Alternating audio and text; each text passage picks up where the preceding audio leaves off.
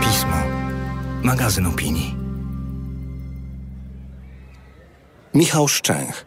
Matka Boska rozkłada ręce. Czyta Agata Turkot. Słuchasz tekstu opublikowanego na łamach miesięcznika Pismo, magazyn opinii. Na stronie magazynpismo.pl znajdziesz więcej inspirujących treści, także w wersji audio. Wykup prenumeraty, aby zyskać dostęp do wszystkich artykułów, ilustracji i nagrań. Mieszkańcy najpiękniejszej polskiej gminy swojego księdza skrzywdzić nie dali, bo swój. Co z tego, że krzywdził ich dzieci? Zielona Kraina zaprasza. Tablicą z takim napisem gmina Kolsko wita przejezdnych. Są tu parki krajobrazowe z kanałem, po którym pływał kajakiem Karol Wojtyła, zanim został papieżem. Podobno spał nawet w jednej z miejscowych stodół. Na pamiątkę ufundowano kamień. Gmina zasłynęła w 1997 roku, w czasie powodzi. Mieszkańcy poszli na wały i razem zatrzymali wielką wodę. Najpiękniejsza polska wieś. Piosenką o takim tytule sławią dziś gminę śpiewaczki z dwóch lokalnych zespołów. Życie tu piękne jest, na wsi warto żyć. Każdy z nas serce swe chciałby tutaj skryć. Co tu rzec, jedno wiedz, tych uroków moc nie przesłoni ciemna noc. W gminie mieszka ksiądz Robert Derengowski. Jako redaktor patrona Szaleńców Bożych, parafialnej gazetki, wpływa tu na opinię publiczną. Tutejsze gospodynie śpiewają piosenki o wiagro, wiagro, tabletko miła, tyś niejednemu dobrze zrobiła, takaś błękitna i takaś wspaniała. Niesie się z dziesięciu gardeł. Przyśpiewkę o wiagrze gospodynie napisały same. W trakcie festynów ksiądz prosi o tę piosenkę. Powiedziały w wywiadzie dla lokalnej gazety. Ksiądz się obraził, bo to mu się zdarza. Dziennikarz przeprosił, inaczej byłby w gminie spalony. Jest zresztą tradycja, do której można się odwołać. 350 lat temu w gminie płonęły stosy. Za rzekome kontakty z diabłem spalono 39 osób, więcej niż w słynnym amerykańskim Salem. W 2013 zorganizowano festyn. O czarownicach. Frekwencja była wysoka. Planowano kolejne imprezy i unijne projekty.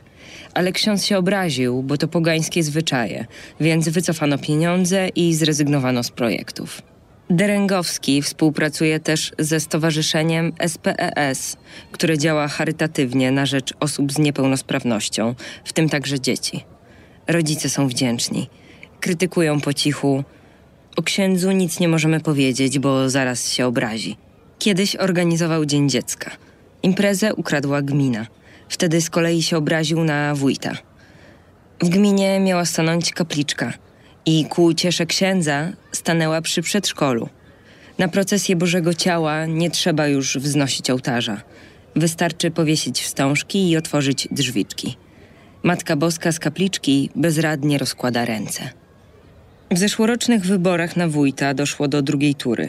Dotąd rzecz w gminie niespotykana, w której Henryk Matysik, sprawujący ten urząd od sześciu kadencji, zmierzył się z Tomaszem Bączkowskim, ekonomistą, architektem, prywatnie miłośnikiem wypieków, zwycięzcą kulinarnego programu TVP Bake Off, ale ciacho.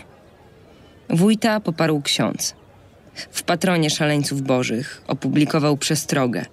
To będzie wybór między doświadczeniem i stabilizacją, a niepewną przyszłością. Pod przestrogą podpisał się wójt. Tomasza poparły m.in. Hanka Matysiak, dawna sołtyska, Agnieszka Liśkiewicz, szkolna księgowa, Kamila Florczak, rolniczka po studiach i Iwona, szefowa Rady Rodziców. Kościelna działaczka namawiała do pikiety, by Tomasza wypędzić ze wsi, bo wydał kąśliwe przedwyborcze gazetki. Spalą nas na stosie, pomyślała Hanka, bo w życiorysach, które zawisały na drzewach, mieszkańcy przeczytali, że Tomasz działał w ruchu LGBT, że organizował pierwsze parady równości w Warszawie, że sądził się o nie w Strasburgu i wygrał tam z Lechem Kaczyńskim, ówczesnym prezydentem stolicy. To pedał, zagrożenie dla katolickich rodzin, wołali. Ten pedał ściągnął do Polski uchodźcę. W kościele odmawiali różaniec do świętych obrazów, a później za Tomaszem i jego zwolennikami wołali Sodomici, sekta, Judasze. Agnieszkę nazwali czarownicą. Jej dom gniazdem szatana. Uradzili, że pod gniazdem szatana trzeba odmawiać różaniec. Gdy odmawiali z intencją o opamiętanie Iwony, ona sama modliła się w lesie. Przestali jej mówić dzień dobry. Przeżył to syn Iwony, dziewięciolatek, autysta. Nastąpił regres w terapii. Głowy odwrócili też od Kamili. W jej sklepie już nie robią zakupów. Wójt na trzy dni przed drugą turą wyborów klęknął przed kamieniem. Odsłonięcie kamienia z tablicą upamiętniającą rocznicę stulecia odzyskania niepodległości przeniesiono z 11 na 1 listopada. Datę wyznaczyła Rada Parafialna, która ufundowała kamień. Wyznaczyła w porozumieniu z księdzem i biskupem. Tłum wiernych oglądał, jak wójt idzie aleją w otoczeniu sztandarów, niosąc bukiet. W drugiej turze wyborów 246 głosami wygrał stary wójt, a na dom Tomasza poleciały kamienie. Przed świętem niepodległości, po zwycięstwie, w gminie zawisły biało-czerwone flagi. Życie zaczęło wracać do normy. Będą festyny strażackie i dożynki. Gospodynie zaśpiewają o wiagrze, ludzie będą się śmiać i zapomną. Nie zapomnił uchodźca ściągnięty przez Tomasza do Polski. Był sam w domu, gdy leciały kamienie. Przeżył bombardowanie w Syrii, stracił żonę i dom, więc wróciły wspomnienia. Ze strachu skulił się w kącie i długo nie mógł się uspokoić. Ksiądz też się nie uspokoił. Zaplanował powrót na Podkarpacie i zniknął. Pracownicy Enei zlokalizowali uszkodzony słup linii energetycznej. Na miejscu była policja. Informuje mnie regionalny rzecznik Enei. W połowie grudnia 2018 roku 32 rodziny zostały odcięte od prądu. Mieszkańcy marzli, bo przestało działać centralne ogrzewanie. Wieś zatonęła w ciemnościach. Nie było takiego zdarzenia. Informowała w grudniu powiatowa komenda policji. Oglądałem telewizor, gdy za oknem huknęło, relacjonuje mieszkaniec. Po linii wysokiego napięcia szedł ogień, dopowiada jego żona. Przy rozwalonym słupie państwo K zobaczyli Volkswagena Tiguana. Nie chodzą do kościoła i jako jedni z nielicznych nie boją się głośno mówić o sprawie, a swoje wiedzą. Tiguan pędził, dlatego uderzył. Po chwili uciekł w stronę lasu. Przy słupie jest ostry zakręt. Ludzie jeżdżą tamtędy rowerami, chodzą tam dzieci, brakuje chodnika. Sprawca naraził więc życie mieszkańców. Koszt naprawy słupa to 4,5 tysiąca złotych. Dlatego Enea wystąpiła z wnioskiem o udostępnienie danych sprawcy. Państwo K głośno powiedzieli o tym, co widzieli. I wtedy komenda przyznała, że do zdarzenia jednak doszło. Prowadzą śledztwo. Do chwili obecnej nie ustaliliśmy sprawcy, tym samym nie jesteśmy w stanie stwierdzić, czy był trzeźwy w momencie zdarzenia. Informują 25 dni po kolizji. Policja nie przesłuchała właściciela Tiguana, choć dzięki tablicy rejestracyjnej znalezionej pod słupem wiadomo, że jest nim ksiądz Derengowski. Marka samochodu się zgadza. Gdzie jest ksiądz? Pojechał do szpitala. Odpowiada proboszcz Tadeusz Kulczyk i zamyka drzwi plebanii. Przy kolejnej wizycie ucina. Proszę więcej nie przychodzić. Ksiądz nie będzie rozmawiał, nawet telefonicznie. Mieszkanka. Słyszałam od znajomego księdza z pobliskiej parafii, że to kuria wysłała naszego na przymusowe leczenie. Przebywa na leczeniu. Potwierdza Andrzej Sapiecha, rzecznik kurii. Nie chce jednak powiedzieć w jakiej klinice i z jakiego powodu. Czy to kuria wysłała księdza na leczenie? Nie mogę odpowiedzieć na to pytanie, ucina rzecznik. Miesiąc po kolizji przesłuchano księdza. Na tym etapie nie mamy podejrzanego. Nikomu w tej sprawie nie przedstawiono zarzutów. Informuje policja dwa miesiące po zdarzeniu. Nie ma podejrzanego, nie ma też zwyczaju podejrzewać księdza. W ulicznej sądzie w gminie na pytanie, kim jest ksiądz, odpowiadają: Matka dwójki dzieci, wierząca, niepraktykująca mnie się zdaje, że ksiądz to jest wyższy człowiek, wyższy od ludzi prostych, takich jak my. członek Rady Kościelnej.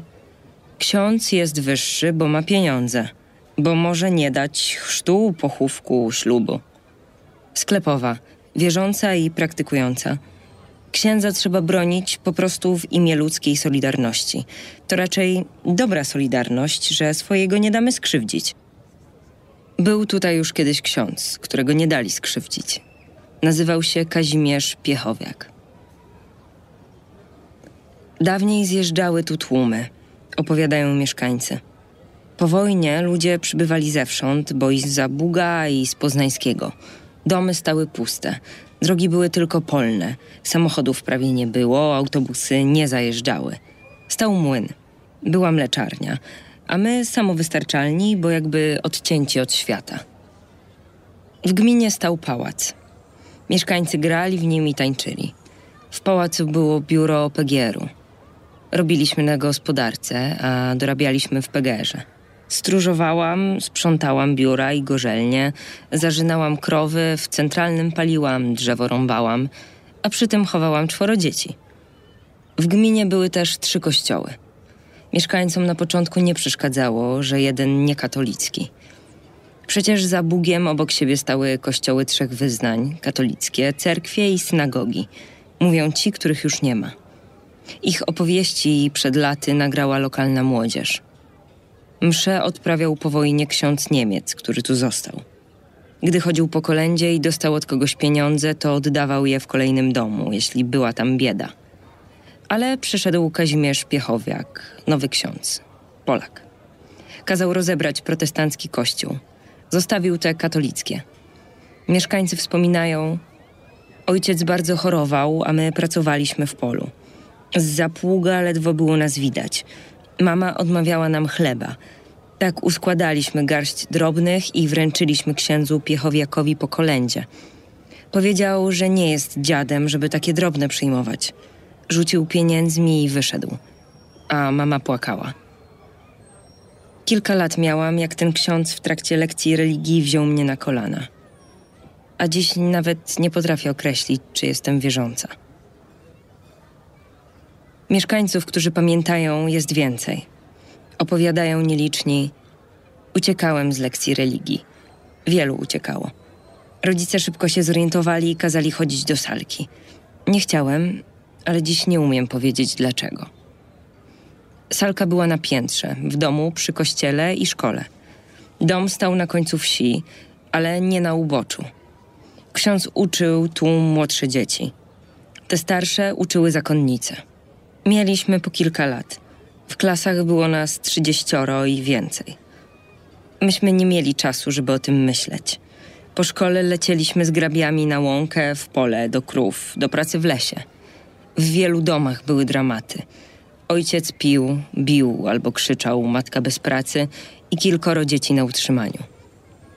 Dziś, żeby sobie przypomnieć, mieszkańcy otwierają albumy. Z fotografii, za grubych okularów, spogląda na nich ksiądz Piechowiak. Szczupły, wysoki. Na jednych zdjęciach siwiejący, na innych już prawie łysy. Zawsze z wianuszkiem pierwszokomunijnych dzieci. Opowiadają, ksiądz założył chór i uczył nas śpiewać. Założył kółko ministrantów, zgromadził 40 chłopców, kupił telewizor i zapraszał ministrantów do siebie. Pod ołtarzem potrafiło siedzieć pięćdziesięcioro maluchów. Siedzieliśmy ubrani na biało, ze skrzydłami jak u aniołków. Taki teatr na Boże Narodzenie. Rodzicom się podobało. Niekiedy się zastanawiam, czy wiedzieli. Przecież wielu pomagało księdzu przy pracach w ogrodzie i w polu. Ucztowali przy jednym stole, daniny mu nosili. To byli dobrzy ludzie. Jeden drugiemu pomagał. Ładowali do torby 5 kilo mąki, 5 kilo cukru, margarynę ryby. I nieśli, żeby inni też mieli święta. Zabijali świnie i nieśli kiełbasę, kaszankę. Wieszali paczki na klamkach. Na drugi dzień machali do siebie z uśmiechem i nikt nikomu nie wyliczał. Tak było kiedyś, jak żyło jeszcze pokolenie naszych rodziców, którzy przywędrowali z Zabuga. Nie, w domu o tym żeśmy nie rozmawiali, po prostu się nie rozmawiało. Co lekcję wybierał jedno dziecko, sadzał na kolana, a myśmy patrzyli. Wybierał dzieci czyste, schludniej ubrane. One nic nie mówiły, więc my też siedzieliśmy cicho. Matki raz się zebrały. Pamiętam. Krzyczały jedna przez drugą, że trzeba jechać do kurii. W gminie był wtedy lekarz. Robił to samo co ksiądz i jego przepędzili, a księdza nikt nie przepędził. Kilka lat miałam, jak wziął mnie na kolana. Obroniłam się, więcej nie podeszłam. Ale dziewczyna rok młodsza ode mnie nie potrafiła się bronić. Widziałam, że ona nie może tego znieść. Dlatego na płocie napisałam kredą nazwisko tej dziewczyny, a na dole napisałam ksiądz. Żeby ktoś przeczytał, coś zrobił. Długo miałam do mamy żal, bo dała ścierkę i kazała umyć płot. Ten ksiądz co jakiś czas wyjeżdżał do Poznania, pamiętam. Niekiedy zabierał któreś dziecko, taka niby wycieczka. Po latach jeden chłop po pijaku płakał mi w żywe oczy, co mu ten ksiądz w Poznaniu zrobił. A później ten chłop się powiesił. W sprawie księdza próbowały interweniować trzy mieszkanki gminy. Jedna z matek, pracownica przedszkola i pielęgniarka. Matka zgłosiła sprawę do pierwszego sekretarza, bo za to, że jej córka nie chodziła na lekcje religii, ksiądz uderzył dziewczynkę kijem 18 razy i trafiła do lekarza. Sprawę umorzyli, mimo że pobitych dzieci było więcej. Pracownica przedszkola powiadomiła partię i ją zaszczuli. Zarzucili romans z księdzem z sąsiedniej parafii. Po zeznaniach pielęgniarki sprawą zajęła się prokuratura w Świebodzinie. Przesłuchano pięciu świadków. Po interwencji służby bezpieczeństwa uznano, że sprawa uległa przedawnieniu i ją umorzyli. Pielęgniarkę uznali za chorą psychicznie. Akta księdza znajdują się w archiwum Instytutu Pamięci Narodowej w Poznaniu. Teczka personalna zawiera 449 kart.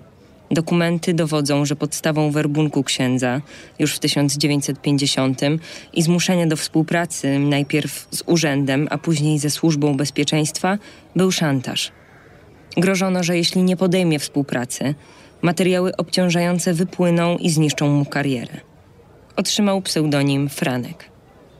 Z notatek służbowych SB w ostatnich dniach przypadły księdza imieniny. Kobiety z kółka róży postanowiły zakupić w prezencie dla księdza sutannę wartości 4000 złotych. Zebrano pewną sumę, lecz w wyniku kłótni między kobietami nie zakupiono. Ksiądz oświadczył na kazaniu, że wszelkie organizacje i stowarzyszenia przykościelne rozwiąże, gdyż nie spełniają swojej roli. Ksiądz jest bardzo chytry na pieniądze i zdobywa je w dość sprytny sposób. Na dokonanie elewacji kościoła zebrał od wiernych pieniądze. Cement dostał od rolników, a pieniądze zebrane od wiernych wydał na nowy samochód tej samej marki Moskwicz. Później opowiadał wiernym, że to ten sam, tylko odmalowany. Za współpracę SB odwdzięczała się nie tylko milczeniem, ale też pieniędzmi i prezentami. Z okazji 48 urodzin dostał wieczne pióro i długopis wartości 600 zł. Na 59 urodziny dostał kryształowy wazon wart 510 zł. Do pierwszych przesłuchań i gromadzenia materiałów obciążających księdza doszło w 1949 roku. W jego pierwszej powojennej parafii w ówczesnym województwie olsztyńskim. Szkoła zorganizowała tam marsz z okazji Światowego Tygodnia Młodzieży. Grupa chłopaków obrzuciła pochód kamieniami. Sprawą zainteresowała się milicja.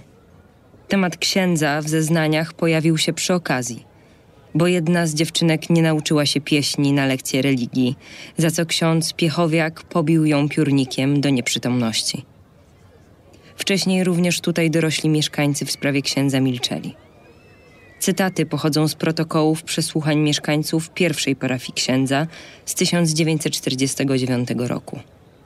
Dyrektorka szkoły organizował harcerstwo, prowadził akcję charytatywną, tak iż wyrobił sobie wśród miejscowego społeczeństwa opinię przyjaciela młodzieży i zacnego człowieka. Posiadał wielki autorytet. Słowo jego znaczyło więcej niż słowo dyrektora. Dyrektor szkoły Obserwując księdza, zauważyłem, że on stale otacza się dziewczętami szkolnymi, w czasie lekcji, jak i poza lekcjami w jego mieszkaniu. Nauczycielka, ksiądz zorganizował chór szkolny. Nauka śpiewu odbywała się w jego prywatnym mieszkaniu. Mówił, że uczy śpiewać po łacinie. ojciec. Ksiądz powiedział, że będzie uczył moją córkę języka polskiego, ponieważ słabo nim władała, gdyż za okupacji uczyła się tylko języka niemieckiego. Przychodził do mojego mieszkania. Usłyszałem raz, jak pogroził mojej córce palcem i zapytał, czy mówiła coś rodzicom. Wówczas mnie, jak i żonę moją, zaciekawiło, jakie tajemnice mogą być między księdzem i moją córką, liczącą na ówczas 11 lat. Córka. Od 1946 roku ksiądz wzywał mnie do swojego prywatnego mieszkania. Brał mnie na swoje kolana, następnie ściągał mi majteczki i swoimi palcami dotykał i głaskał mnie po miejscach rozrodczych. Nieraz odczuwałam silną boleść. Opowiedziałam rodzicom, na co mój ojciec powiedział, że coś z tym załatwi. Tatuś mój miał iść do księdza i obrugać go, lecz tego nie zrobił, ponieważ nie miał bliższej okazji. Dyrektorka, nauczycielstwo spostrzegło u dzieci faworyzowanych przez księdza przedwczesne rozbudzenie i brak zainteresowania lekcjami. Dziewczęta były na lekcjach ospałe, jakby nieprzytomne. Dyrektor, Jeden nauczyciel opowiadał mi osobiście, że ksiądz zapraszał jego córeczkę lat dziewięć do swego mieszkania, odpinał majteczki i głaskał po miejscu rozrodczym przez pewien czas. Następnie kazał majteczki zapiąć i kazał jej iść do domu. Dyrektorka. Skutkiem tych wieści dyrektor zabronił księdzu przyjmowania dzieci w mieszkaniu. Mimo to ksiądz podtrzymywał z młodzieżą kontakty przez związki różańcowe. Odsunął od siebie młodzież starszą gimnazjalną, a tym chętniej otaczał się dziećmi ze szkoły powszechnej i przedszkola. Rodzice powierzali swoje dzieci księdzu pod opiekę całkowitą na różnego rodzaju wycieczki czy obozy. Sama wiedziałam, że jedna matka oddała księdzu swą córkę pod opiekę na czas wyjazdu do Poznania, do mieszkania rodziny księdza. Spotkałam przypadkowo tę dziewczynkę z księdzem w pociągu. Dziewczynka pierwsza – Nieraz ksiądz brał nas na kolana, bawił się nami i zakładał nam rękę za majteczki. Pieścił się z częścią mego ciała, którą wstydzę się i nie wiem jak nazwać. Spałam z nim wspólnie w jednym łóżku. Pieścił się ze mną nad ranem. Wstał następnie i poszedł do kościoła. Mamie powiedziałam, że spałam u księdza i więcej do księdza spać już nie poszłam. Ale brał mnie na kolana jeszcze częściej niż przedtem. Dziewczynka druga.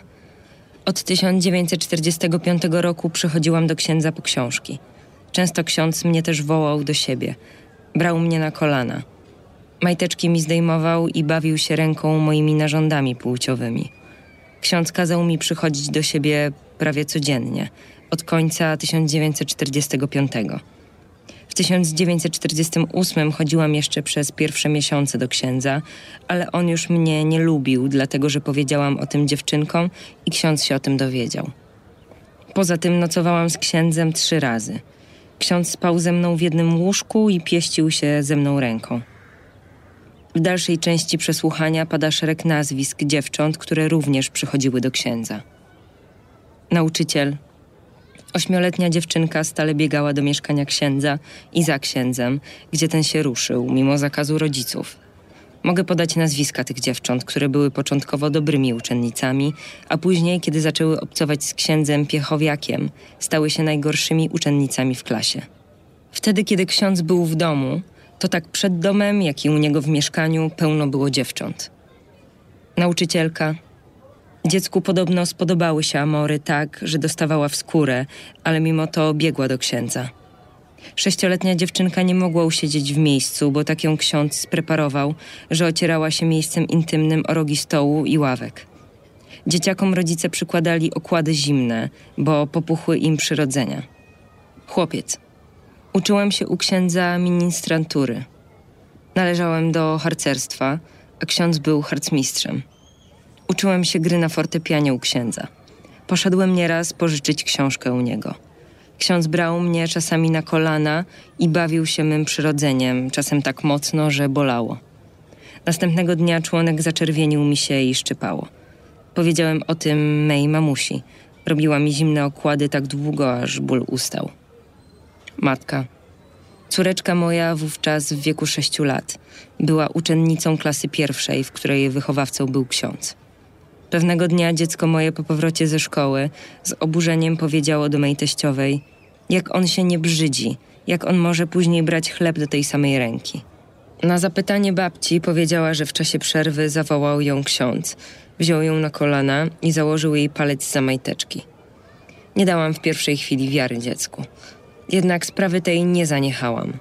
Zwróciłam się do mojej sąsiadki, której córka chodziła na prywatne lekcje do księdza, ażeby wybadała swe dziecko. Po jakimś czasie kategorycznie powiedziała do mnie, że to jest niemożliwe. Przypuszczałam wobec tego, że dziecko moje zmyśliło lub przekręciło fakty. Nauczyciel. Byłem na przyjęciu imieninowym u kolegi, też nauczyciela. Obok niego siedział ksiądz. Zauważyłem, że po kilku kieliszkach wódki ksiądz wziął na kolana jego córkę dziesięcioletnią i obmacywał ją rękoma. Kolega nauczyciel nie chciał, żeby ten fakt stał się głośny i prosił mnie, ażebym nie robił z tego żadnego użytku. Słyszałem, że ksiądz tego rodzaju wyczyny stosował z innymi dziewczętami. Sprawa ta nie wyszła na światło dzienne, gdyż rodzice tych dzieci należą do ludzi będących pod całkowitym wpływem kościoła i nie chcieli tej sprawy wywlekać. Dyrektorka. Wśród miejscowego społeczeństwa ksiądz cieszył się tak dużym poważaniem, że uważano wieści obiegające o jego czynach niemoralnych za oszczerstwa i może dlatego też rodzice dzieci pokrzywdzonych nie występowali na drogę sądową. Obecnie społeczeństwo podzieliło się na dwa odłamy. Jedni są na księdza oburzeni i potępiają go tak, jak na to zasługuje. Inni trwają nadal w zaślepieniu i fałszywej dewocji i zaczynają księdza uważać za męczennika. Ksiądz w swojej pierwszej powojennej parafii w ówczesnym województwie olsztyńskim molestował i gwałcił dzieci od końca 1945 roku do połowy 1948 lub do 1949. Po przesłuchaniach mieszkańców w 1949 uciekł. Ścigany listem gończym na krótko ukrył się w zakonie Franciszkanów. Z zeznań mieszkańców wynika, że księdza ostrzegły dzieci. Nauczycielka. Niektóre dziewczęta, gdy dowiedziały się o ucieczce księdza, to płakały. Jedna, co płakała, ma siostrę, o której mówiono, że ksiądz żył z nią jak z żoną. Deklarację o współpracy z Urzędem Bezpieczeństwa ksiądz podpisał po ucieczce. Prokurator ściga go, za co mógłby otrzymać wymiar kary 10 lat więzienia, lecz my postaramy się, ażeby została mu kara darowana, lecz za to żądamy ścisłej współpracy zdradza dokument podpisany przez naczelnika Wojewódzkiego Urzędu Bezpieczeństwa Publicznego. Po 1949 roku ksiądz był przenoszony do nowych parafii trzykrotnie, za wiedzą i zgodą biskupów. Schemat był zawsze ten sam. Ksiądz obejmował parafię, zakładał kółko ministrantów i chór. Na plebanii organizował biblioteczkę, gromadził instrumenty i zapraszał dzieci na lekcje. W latach 1949-59 był proboszczem dwóch parafii w ówczesnym województwie koszalińskim. Mieszkańcy napisali wtedy kilka anonimowych donosów do kurii. Na kobietę, która pojechała do kurii osobiście, ksiądz rzucił z ołtarza oskarżenie, że jest opętana przez diabła. W grudniu 1958 oficer operacyjny SB informował: Kobieta uważa, że ksiądz odebrał jej całe życie – i ludzie wszędzie się od niej usuwają. W kościele palcami ją wytykają jako tę, która ma szatana za kołnierzem. Do gminy w Zielonogórskim ksiądz Piechowiak trafił w 1959. Oficer operacyjny SB donosił. Kuria za podstawę do przeniesienia informatora na gorszą parafię wykorzystała fakt uprawiania nierządu przez informatora z małoletnimi dziewczynkami. Został zmuszony do przejścia z parafii liczącej około 7 tysięcy dusz na parafię liczącą tylko 1900. Proboszczem był w gminie przeszło 20 lat, do emerytury. Dzieci dorastały, przychodziły kolejne. Na kolanach siedziały mu dziesiątki, może setki. Na emeryturę przeszedł w 1983. Gdy opuszczał gminę, zabrał książki i instrumenty. Już jako ksiądz emeryt zamieszkał w prywatnym domu pod Wolsztynem. Udzielał się tam w życiu parafii. Brał udział w uroczystościach kościelnych i w konferencjach dekanalnych. Działał w Stowarzyszeniu Księży Caritas w Zielonej Górze. Z SB, podobnie jak z Kościołem, współpracował do śmierci, czyli do 1988. 14 marca tego roku konferencja Episkopatu Polski opublikowała raport na temat pedofilii. Jak informowała Gazeta Wyborcza, ojciec Adam Żak, koordynator episkopatu do spraw ochrony dzieci i młodzieży, który przeprowadzał ankiety w diecezjach, tłumaczył: Wybrałem rok 1990 na podstawie prostego doświadczenia. To był koniec komunizmu. Wówczas my, jako zakon, a jestem jezuitą, zostaliśmy poproszeni przez przełożonych o sprawdzenie archiwów. W archiwach nie było nic, więc przyjąłem, że przed 1990 nie należy się spodziewać dokumentów ani w zakonach, ani w diecezjach. Był to okres, kiedy wrażliwych dokumentów trzeba było produkować jak najmniej. Mieszkanka gminy. Jak byłam dzieckiem, to bardzo chorowałam. I ten sam ksiądz, który brał mnie na kolana, załatwił lekarza w Poznaniu. Zawiózł mnie Fiatem i tam pomógł wrócić do zdrowia. Więc jak miałam powiedzieć mamie, że ten ksiądz robił mi krzywdę, skoro mama była księdzu taka wdzięczna? Choć było nas dużo rodzeństwa, a w domu bieda, to mama pół świni temu księdzu oddała, jajka mu nosiła i ser. Za to, że mnie wyleczył, była w księdza zapatrzona jak w Boga. Nigdy by mi nie uwierzyła. Po latach pokłóciłam się z mamą o ryzyka. I wtedy wykrzyczałam w nerwach, co myślę o księżach i co mi robił ksiądz, kiedy byłam dzieckiem. I mama nie chciała mi uwierzyć, choć miałam już 50 lat. Nie winię jej. Przecież gdybym wtedy jej powiedziała, to ona i tak by nic nie zrobiła. Ze strachu. Wielu skrzywdzonych w dzieciństwie mieszka w gminie do dziś, a ksiądz spogląda na nich z wyblakłych fotografii.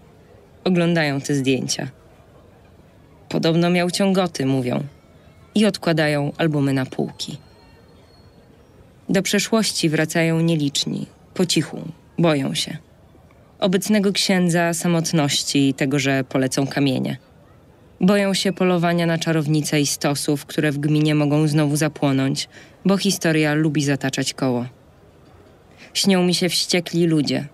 Idą w stronę mojego domu, a w rękach mają gazetę, w której opowiedziałam o księdzu. W 2017 roku emerytowany biskup Paweł Socha wydał biografię i wspomnienia o kapłanach diecezji gorzowskiej zmarłych w latach 1972-1991. Publikacji znalazło się miejsce dla księdza Piechowiaka. Księdza, który przez lata molestował i gwałcił dzieci, biskup opisuje m.in. tak. Z powodu wojennych przeżyć i innych, które zna tylko Bóg, choć pracował gorliwie pod względem duszpasterskim, to wobec ludzi bardziej okazywał serce surowego sędziego niż ojca. Z tego powodu napotkał na liczne trudności w relacjach z wiernymi. Liczącą pięć stron notatkę o Piechowiaku, biskup kończy fragmentem homilii, którą wygłosił na jego pogrzebie. Panie Jezu, Ty wiesz, jak Twój sługa Kazimierz walczył ze swoimi słabościami – ile trudu wkładał w przekaz wiary i szafowanie dziełem zbawienia w sakramentach świętych. W swoim nieskończonym miłosierdziu przebacz mu słabości i obdasz darem pokoju i radości wiecznej w chwale Ojca. Jako zawołanie biskupie Socha przyjął słowa facere veritatem in caritate. Po łacinie czynić prawdę w miłości. Reportaż ukazał się w 17 numerze miesięcznika Pismo, magazyn opinii. Czytała Agata Turkot.